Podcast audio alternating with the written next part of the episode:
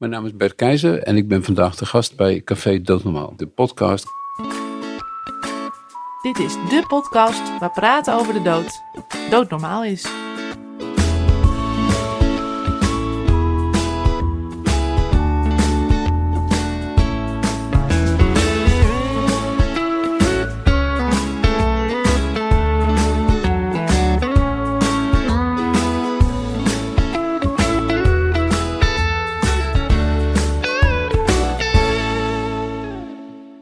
Vanuit een verlaten kantoor van de NVVE heet ik je welkom bij weer een nieuwe aflevering van Café Doodnormaal, de podcast. Mijn naam is Gerard Ekelmans en tegenover mij zit zoals altijd Sebastian Hattink. We hebben dit seizoen over euthanasie bij dementie. En waar gaan we het deze aflevering over hebben, Sebastian? In de voorgaande aflevering hebben we het vooral gehad over de mogelijkheden van euthanasie bij dementie. En daar kwam vooral uit dat het voor een arts en een patiënt het beste is als dit gebeurt als de patiënt nog wilsbekwaam is.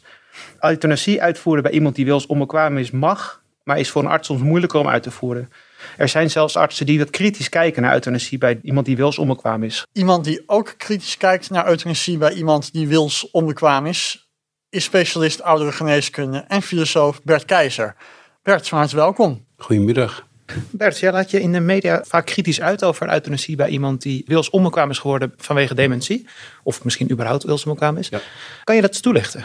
Ja, het is zo dat de, het gesprek over euthanasie in ons land is vanaf, eh, en we zijn nu bijna 40 jaar in gesprek. Dat eh, gesprek kenmerkt zich door een continu opschuiven van, eh, van de grenzen. We zijn vanaf het uur u bezig geweest met nieuwe kandidaten te zoeken. En ehm, wij begonnen ergens tussen 1975 en 1985, opa verteld, met, met terminale patiënten. Ja? Mensen die een paar weken, een paar dagen te gaan hadden.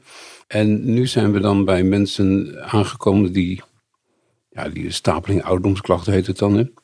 Uh, met een aantal tussenstadia, psychiatrie, uh, die patiënten die melden zich. Mensen met een somatische ziekte die niet overging, die melden zich. En dan moet je denken aan multiple sclerose, gevolgen van een beroerte. Dat soort somatische toestanden die, die echt niet bijtrekken over de jaar.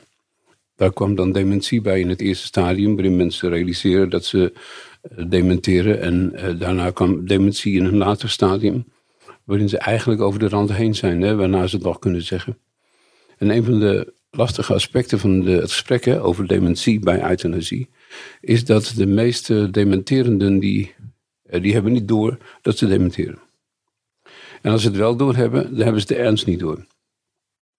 Dus het is heel gewoon. Ik, ben, ik werk bij het expertisecentrum uh, euthanasie. Ik ben specialist oudere geneeskunde van huis uit. En dus dat is het soort casuïstiek wat ze mij het beste, uh, het liefste toeschuiven. Hè. Dus uh, ik, ben, ik voel me daar wel in thuis. En het is bijna drie van de vier consulten bij mensen met dementie. En die gaan over, ik ben nu wel een beetje dement. Ik heb mijn ouders zien gaan in dementie. Maar mensen die mensen in dementie hebben zien verdwijnen, dat zijn de kenners van het beeld. En dat zijn degenen die hele goede gronden hebben waarop ze vragen om euthanasie, TZT. En wat er dan gebeurt, in drie van de vier gevallen, is dat uh, ik blijf op bezoek komen samen met mijn verpleegkundige, die met mijn verpleegkundige, mm -hmm. maar we zijn altijd een team, team bij je. We komen op bezoek. centrum. Ja, ja, we komen op bezoek en die, die mensen die blijven zeggen, ja, ik wil wel euthanasie, maar pas als het erg is. En um, nou is het zo dat het hoeft niet per se altijd erg te worden. Het is niet zo dat iedereen die in dementie opschuift naar het wilsonbekwame stadium, dat die doodongelukkig is. Dat is niet zo. Uh, ik wil zo meteen wel iets zeggen over de wilsverklaring. Maar er zijn er wel die opschuiven naar het stadium wilsonbekwaam en doodongelukkig. En die komen daarin terecht en die hebben de fuik nooit achter zich horen dichtklappen. En die hebben nooit een moment gehad waarop ze konden zeggen: Oh god, nou is het wel heel erg. En dat is omdat tussen jou en jouw dementie bestaat er geen afstand. Zoals die er is tussen jou en je kanker. He, tussen jou en je kanker. Je kunt zeggen, ik ben mijn kanker niet. Ik heb er last van. Ik, ik ga er waarschijnlijk dood aan. Maar ik kan kijken naar mijn kanker. Ik kan zien waar die zit, hoe erg het is. De oncoloog legt het aan mij uit. Bij dementie is dat allemaal onmogelijk. En dat is omdat je je ziekte bent. Je hebt hem niet. En dus is die afstand, ja, die verdwijnt heel vaak dat zeggen de wilsbekwaamheid, die gaat ten onder zonder dat iemand het in de gaten heeft. En dan kun je drie keer per dag roepen, denk erom het is zover. Want al die dementen die in een verpleeghuis zitten, 100% daarvan, die hadden zich voorgenomen om daar niet te eindigen. Maar er zitten er wel 30.000 in, hè? Uh, nou, 40.000 denk ik. Ja, dus dat is een heel verwarrend aspect van euthanasie bij dementie. Dat maakt het zo moeilijk. Nou dacht ik het volgende. Als je bij, en ik ben niet de enige, maar er zijn veel dokters die er zo over denken. Maar ik spreek nu even namens mijzelf. Ook niet namens het expertisecentrum euthanasie. Euthanasie is een, um, ja dat klinkt een beetje gek, maar het is toch een beetje een intiem gebeuren. En uh, er wordt iets aan jou gevraagd als arts of als mens. Maar goed, als arts zit je nou helemaal in die hoek, hè, want je hebt de sleutel van de porseleinkast, zeggen wij altijd. Je moet iets doen voor een ander wat, uh, wat zo ingrijpend is dat die ander eraan doodgaat. En als je, dat, als je dat niet goed kunt afstemmen, als je niet zeker weet dat die ander snapt wat jij aan het doen bent op het moment dat je het doet. Die situatie kennen we wel. We kennen dat bij huisdieren. En het is echt niet zo dat mensen hun huisdier veel te vroeg of om, om, om niks naar de, naar de dierenarts brengen. Praat maar eens met een dierenarts over het, het lijden van zeg maar, de, de dierenbezitter voordat ze zover komen dat ze dat doen. Ik heb zelf ook in die situatie gezeten. En dan, maar bij een dier vind je het goed. Dat ze, bij een dier weet je dat je dat gesprek nooit hebt kunnen voeren. Er bestaat dan ook bij een dier wel enige verlegenheid, maar niet die specifieke, die stekende verlegenheid hè, rond euthanasie bij dementie als een mens tegenover je staat. Mensen die nog altijd spreken, hè. Kijk, dementiepatiënten zijn geen coma, zijn geen coma-patiënten. Er zit een levend mens voor je die je aankijkt en die gewoon met je terugpraat, die goedemorgen zegt enzovoort.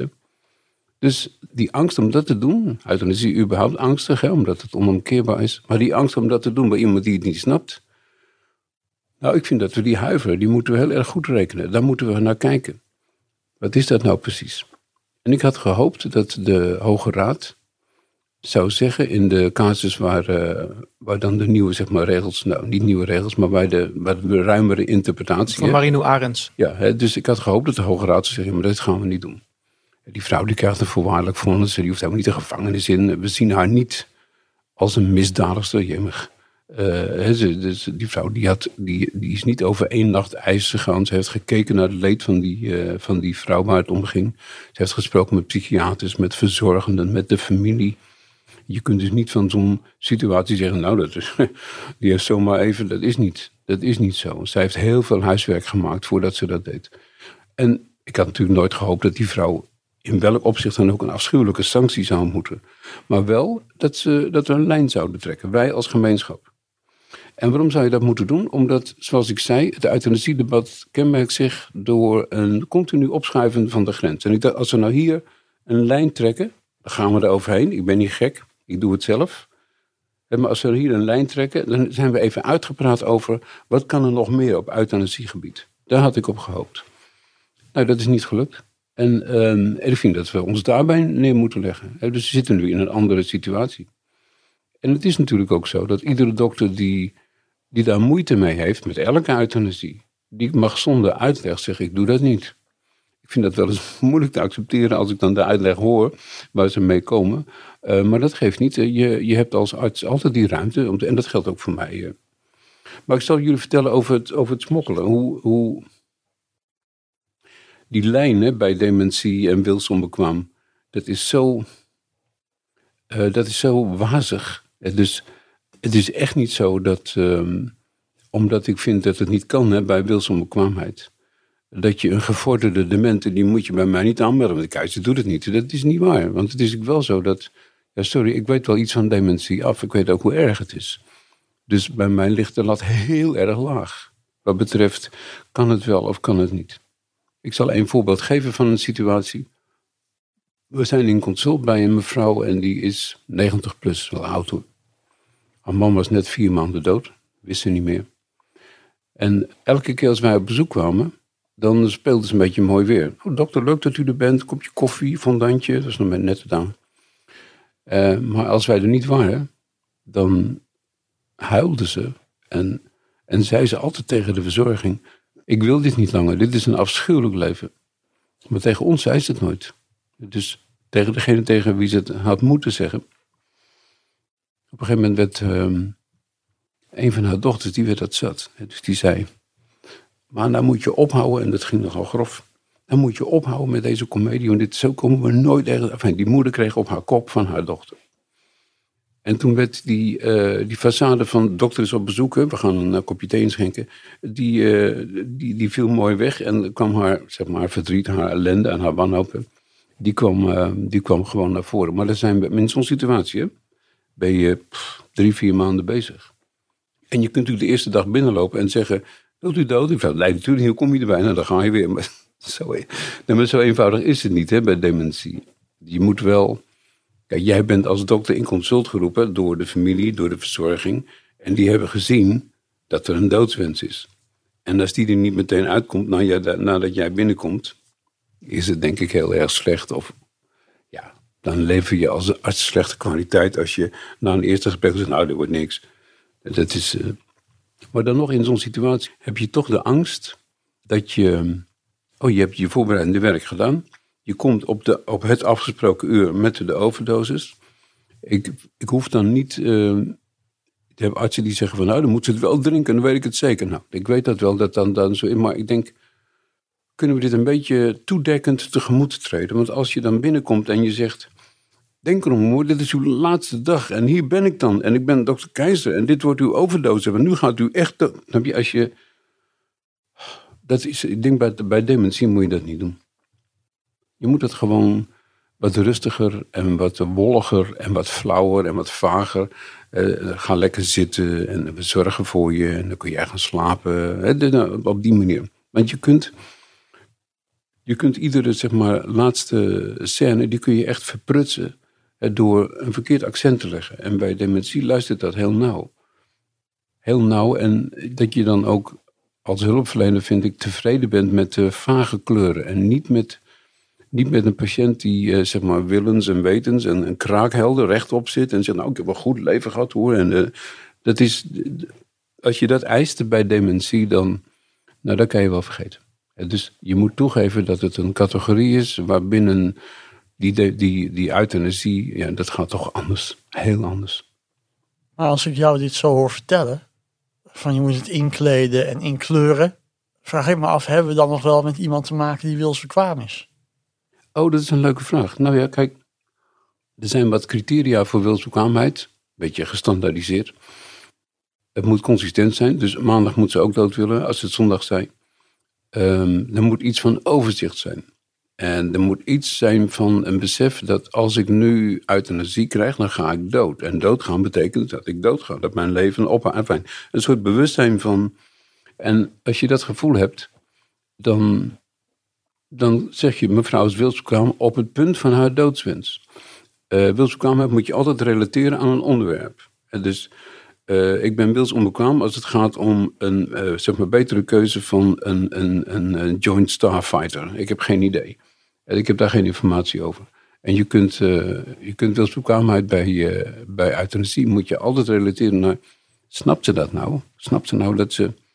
En dus, dat is een... Um, het is een heel betrekkelijk begrip dan, hè, wilsbekwaamheid. Het kan heel erg pinpointerig zijn. Het kan maar over een heel klein dingetje gaan. Iedereen is wilsbekwaam in het uit niemand is ooit helemaal wilsonbekwaam.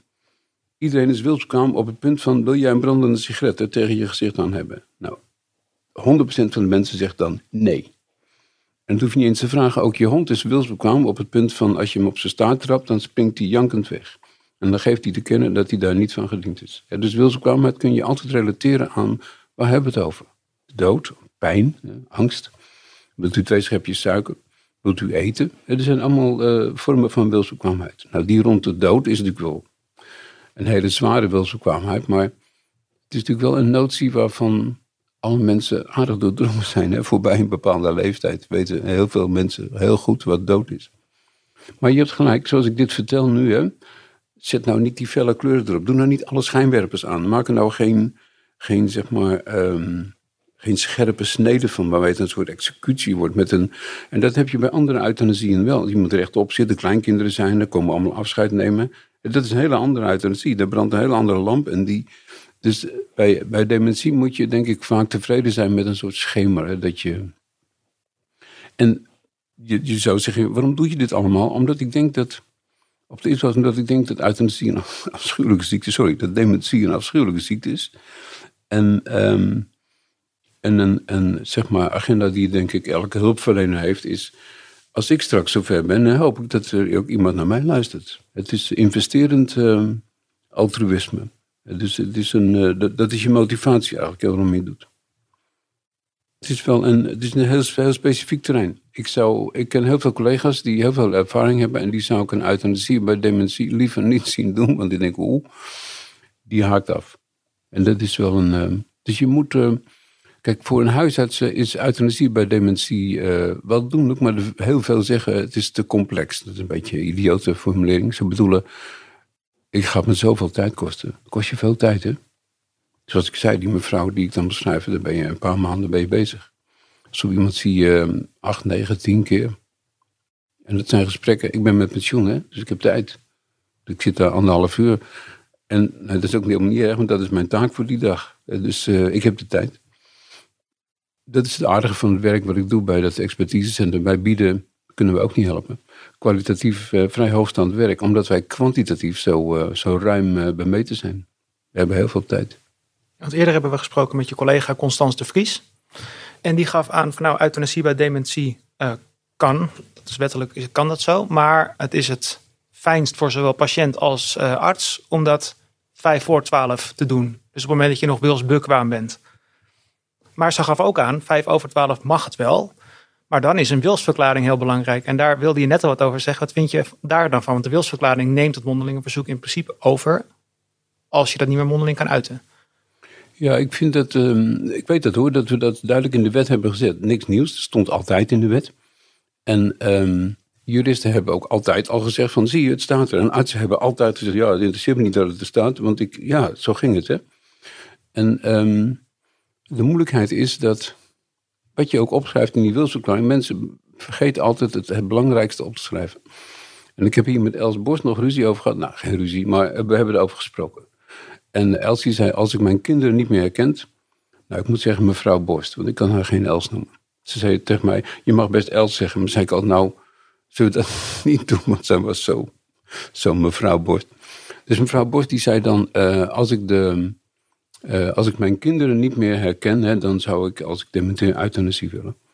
En mijn antwoord was, maar als u op dat moment een uitstekende relatie hebt met het afdelingskonijn, dan gaan we je echt niet doodmaken. Dus het is zinloos. De, de wilsverklaringen zijn zinloos. Omdat, men, omdat iedereen vergeet dat ene op te schrijven. Als ik doodongelukkig ben in mijn dementie, dan wil ik euthanasie. Dat is het enige wat je hoeft op te schrijven. En de ene is doodongelukkig omdat hij geen postzegels meer kan likken. En de ander is doodongelukkig omdat ze denkt dat ze in een, uh, in een zinkend schip zit. En een derde is ongelukkig omdat de kinderen nooit meer komen, die trouwens elke dag komen. Nee, maar begrijp je, het heeft geen zin om het op te schrijven. Het heeft geen zin. Noem mij wat je wilt hebben.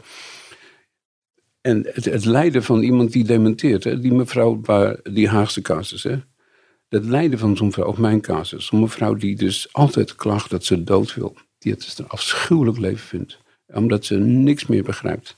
Zeggen ze ook zelf dan, hè? Ik snap niks meer. Um, dat, dat, hoef je niet op te schrijven. En mij interesseert een dan, sorry, maar helemaal niks. Interesseert me niks. Waarom? Omdat er nooit staat wat ik zie, namelijk een doodongelukkig mens. Dus die specificaties, vooral als mensen zeggen van uh, ik herken mijn kinderen niet meer. Zo, dat, is voor je kinderen is dat afschuwelijk, maar jij kunt daar heel gelukkig in zijn. Nee, niet heel gelukkig, maar je, het kan voor jou best draaglijk zijn. Iris Murdoch, de film Iris, dat is een van de eerste wat betere films over dementie. Zij zat um, zich te, echt te genieten van de Teletubbies, die teringtubbies. En uh, nou, Iris die, die timmerde nogal hoog, hè, intellectueel. Poeh, uh, en iedereen vond het verschrikkelijk om daar naar te kijken. Oh, wat erg. Maar ik zeg als Iris dat naar de. Hier bestaat een ander argument voor. En nou gaan we de zeg maar, ethische reflectie in, die ik uh, nogal irrelevant vind. Maar uh, Govert en Hartog die heeft een argument. Ik dat hij dat heeft overgenomen, Richard Dworkin, die Amerikaanse filosoof. En dat is: ik heb een levensverhaal. En dat levensverhaal is gekenmerkt door een aantal hoofdstukken. Die mijn kinderen en de mensen die van me houden, die kennen dat verhaal. En uh, in dat verhaal ben ik een, uh, een lieve vader en een redelijk succesvol uh, middenstander. En iemand die na zijn pensioen nog bergen beklom. En, en dat hele verhaal, dat is mijn, ehm, Dat ben ik en dat is, eh, dat is mijn ik zoals dat leeft in de, in de zielen van de mensen om mij heen. En ik wil niet dat dat verhaal eindigt in een, eh, in een drol. Dat wil ik niet. Dus ik, uh, ik wil dan dat ik doodgemaakt word. Ja, dat ik dat zelf dan niet wil, interesseert me helemaal niet. Maar ik wil dat ik dan doodgemaakt word. Ook als ik gelukkig ben in mijn dementie, wil ik dat ik doodgemaakt word. Dat is, uh, Govert, die vertelt het altijd. En ik zeg altijd, nou, ik kom je niet doodmaken. Nee, zegt hij, dat weet ik wel. Maar toch is dat wat ik zou willen.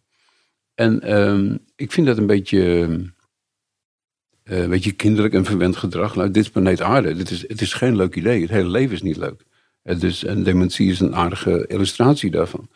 En, dus ik vind dat een onzinnig argument. Maar als je, als je in een kamer zit te praten over, uh, zoals filosofen graag doen, hè, dan gooi je wat concepten in de lucht en anders schiet er een gaatje in en die, die breidt daar weer iets aan vast. Dan ontstaat er wel degelijk een notie. Waar kun je, ja, dat vind ik eigenlijk wel overtuigend zeg. Ja, dat zie ik eigenlijk ook wel, ja. Dat beeld van jou en dan wil je niet dat dat, dat eindigt in, een, nou ja, laat het maar zo zeggen, ja, nou, in een vieze drol. Want dat is dementie. Nee, dat, uh, gaan we, dat gaan we opschrijven. Nou, dat hebben ze gedaan. En ik vind het een concept waar ik helemaal niks mee kan. Want dan zou Iris, die zou dus, uh, zeg maar, in, uh, zoals zij daar zat voor haar televisie, genietend van de Teletubbies, die zou uh, gedood hebben moeten worden. en ik vind als dat de consequentie is van jouw redenering, dan zou ik hem toch maar wegdoen. Maar een wilsverklaring is natuurlijk ook een gespreksdocument, waardoor je in een eerder stadium al met je arts het gesprek aangaat over wat jij wil en niet wil. Ja, oké. Okay. Nou ja, ik denk dat niet behandelverklaring is veel relevanter. Nee, tuurlijk. Dat is ook een recht. veel relevant is, ja. ja. Maar opschrijven wanneer jij de dood wilt uh, in jouw dementie, is een onmogelijkheid. Ik heb nog nooit een formulering gezien waarbij ik dacht, oh ja, nou die snap ik. Dat is een, tenzij ze opschrijven, als ik echt hondsberoerd en doodongelukkig ben in mijn dementie, dan wil ik dood. En het inschatten daarvan, mensen, ja, je kunt het nooit inschatten. Je weet nooit wat er door ze heen gaat. Ik vind dat onzin. Je kunt heel goed inschatten of iemand die dementeert of die ongelukkig is.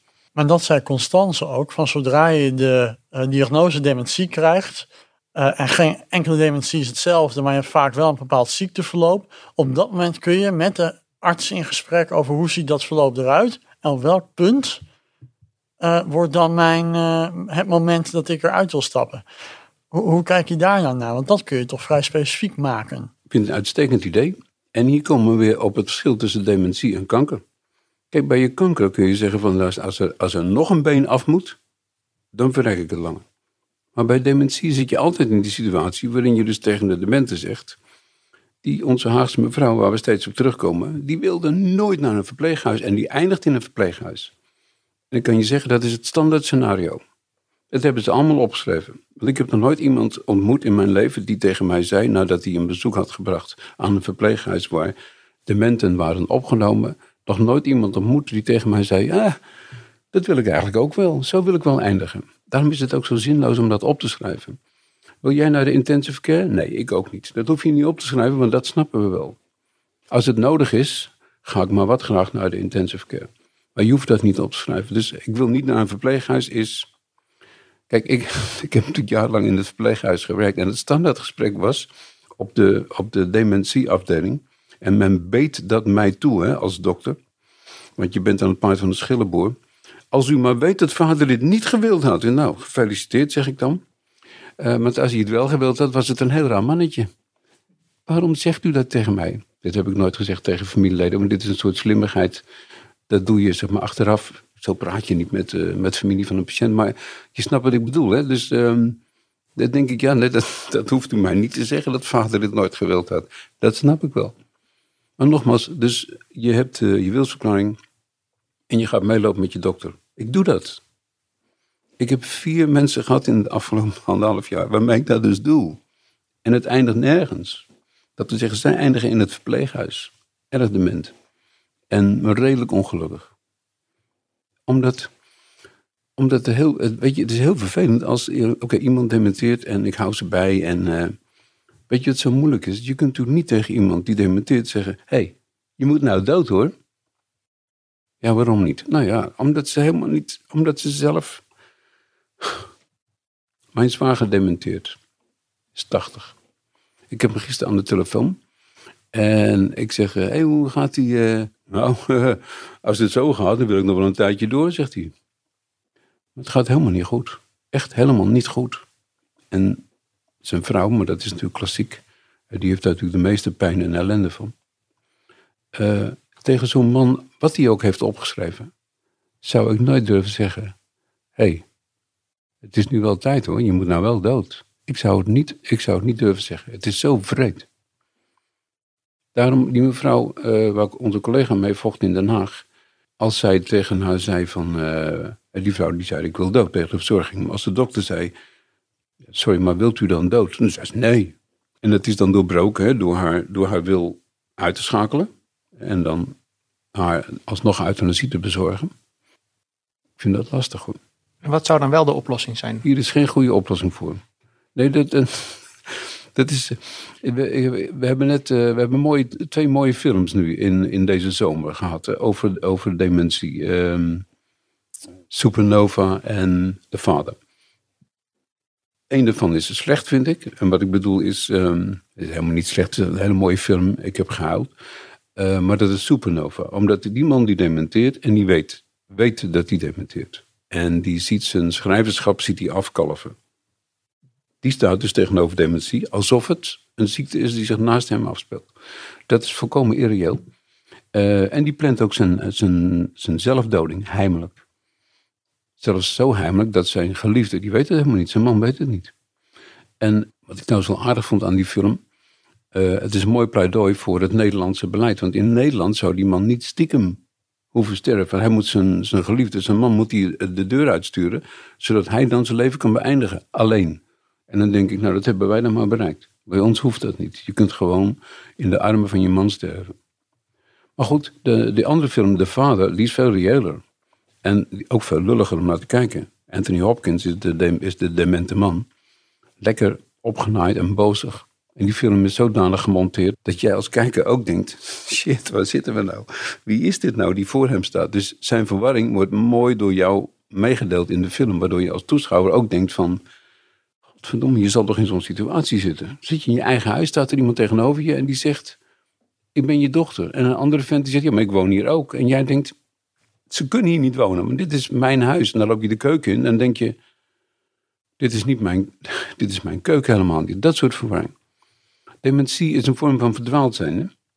Dat is een mooie karakteristiek van eh, een verpleeghuisarts, wiens naam ik ben vergeten. Dementie is verdwaald zijn. Niet op straat, dat kan ons allemaal overkomen, dan vraag je iemand waar ben ik. Maar verdwaald zijn in je eigen huis. En uiteindelijk verdwaald zijn in je eigen ziel. En dat is een vorm van de weg kwijt zijn, hè? Die, dat kennen wij niet. Dus zoals wij hier zitten? God zij gelooft, kennen we dat niet. En sommige mensen chokken dan wel- door hun dag heen, hè? Met, die, met die onzekerheid. Anderen worden er gek van. Maar die film van Anthony Hopkins, die is, dat is geweldig, omdat het mooi in stadia gaat. Het laatste stukje zit hij op een bed zit hij te huilen in de armen van een niet heel erg troostrijke zuster. En dan vraagt hij, wie ben ik eigenlijk? En dat is zo zielig. Dat is dementie. En jij zegt, is daar nou een oplossing voor? Ik weet het niet. Ik heb, dus, is de dood dan het enige wat we kunnen verzinnen? Nee, snap je? Dat is wel een beetje... Mhm. eh, en ik vind het helemaal niet zo raar hoor, dat we dat zeggen. Omdat, hey, we zijn een seculiere maatschappij. En dat wil zeggen, een van de dingen die dat wil zeggen... is dat er een MVVE bestaat. We hebben de moed nu, in Nederland althans... en dat zetten wij om in daden... we hebben de moed om van het leven te zeggen... ik wil het niet meer.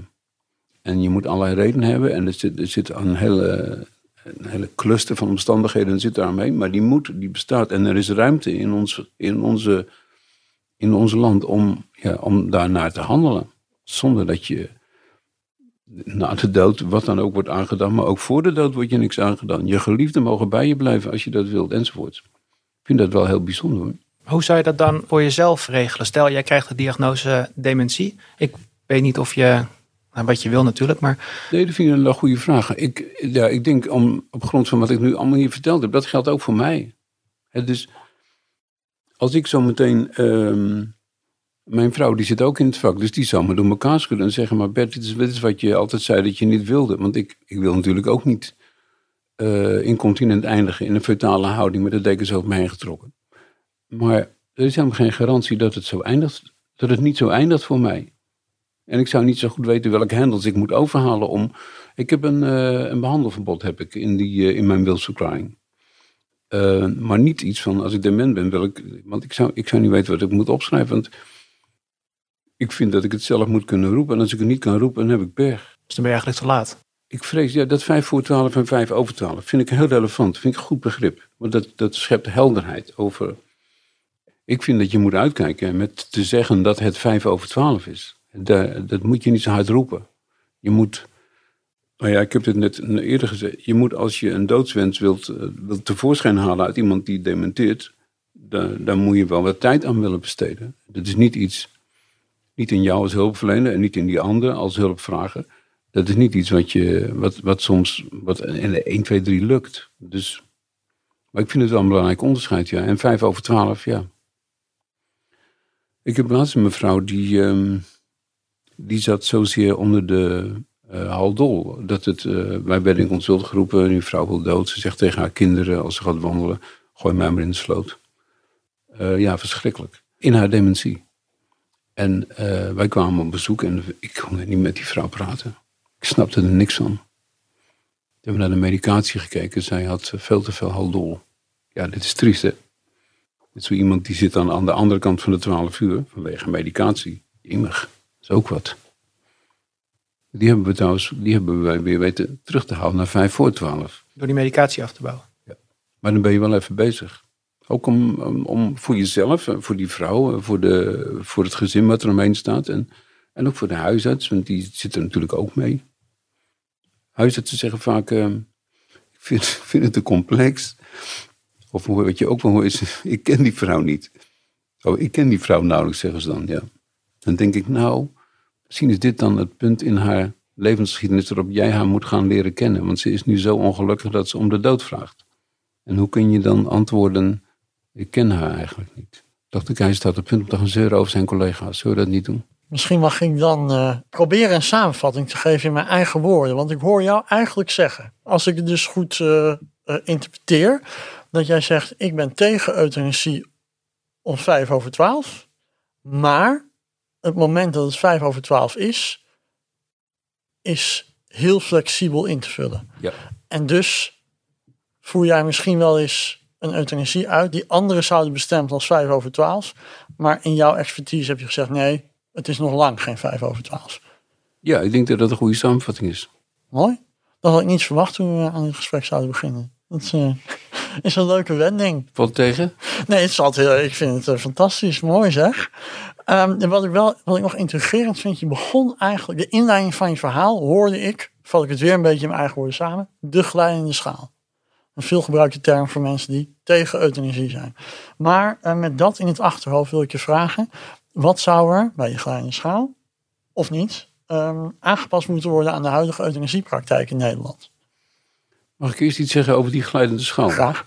Ik denk dat uh, de term volkomen correct wordt toegepast. Maar ik ervaar het dus niet als, kijk, mensen zeggen een glijdende schaal. Dat wil zeggen, als je zo doorgaat, dan eindigt het in een slagpartij. En zo wil ik die term niet interpreteren. Voor mij is het gevoel het gevoel van een glijdende schaal, het gevoel van onzekerheid, hè, zijn we goed bezig? Dat is het kenmerk, dat is het zilvermerkje van een ethisch probleem.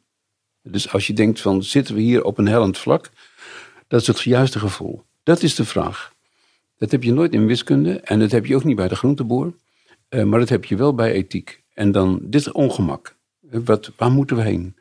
Uh, vroeger konden we God bellen, nou die pakt niet meer op. Nu moeten we dat samen doen. Wij moeten aan, naar elkaar moeten we bevragen, wat durven we? En die geleidende schaal, die is er in die zin dat het aantal kandidaten voor euthanasie, de groepen die daarvoor in aanmerking komen, dat neemt steeds toe. En is dat erg? Ik zeg nee, het is helemaal niet erg. Dus ik zie dat helemaal niet als een dreigende ontwikkeling. Maar nu vraag jij mij, oké, okay, even, even kijkend naar die zich steeds uitbreidende groep, vind ik dat de euthanasiepraktijk in Nederland veranderd moet worden. Niet de wet, maar de praktijk. Uh, beide. Moet er iets veranderd worden aan de wet om de praktijk te veranderen? Oh ja. Of die andere vraag, moet er iets veranderen aan de praktijk? Vul hem zelf in. Nou, ik zou, uh, ik zou iets aan de wet willen veranderen. In die zin dat de, waar de NVVE al jaren voor pleit, afschaffing van de strafbaarheid van hulp bij zelfdoding. Als ze dat schrappen, dan zal de euthanasiewet, die zeigt in één, want daar verdwijnt alle lucht uit. Dat is niet erg, want er zijn dan toch heel veel mensen die liever door hun dokter geholpen zullen willen worden. En de dokter, die kan, want kijk, heel veel artsen klagen nu, en ik klaag dus ook als het gaat om euthanasie bij wilsonbekwamen.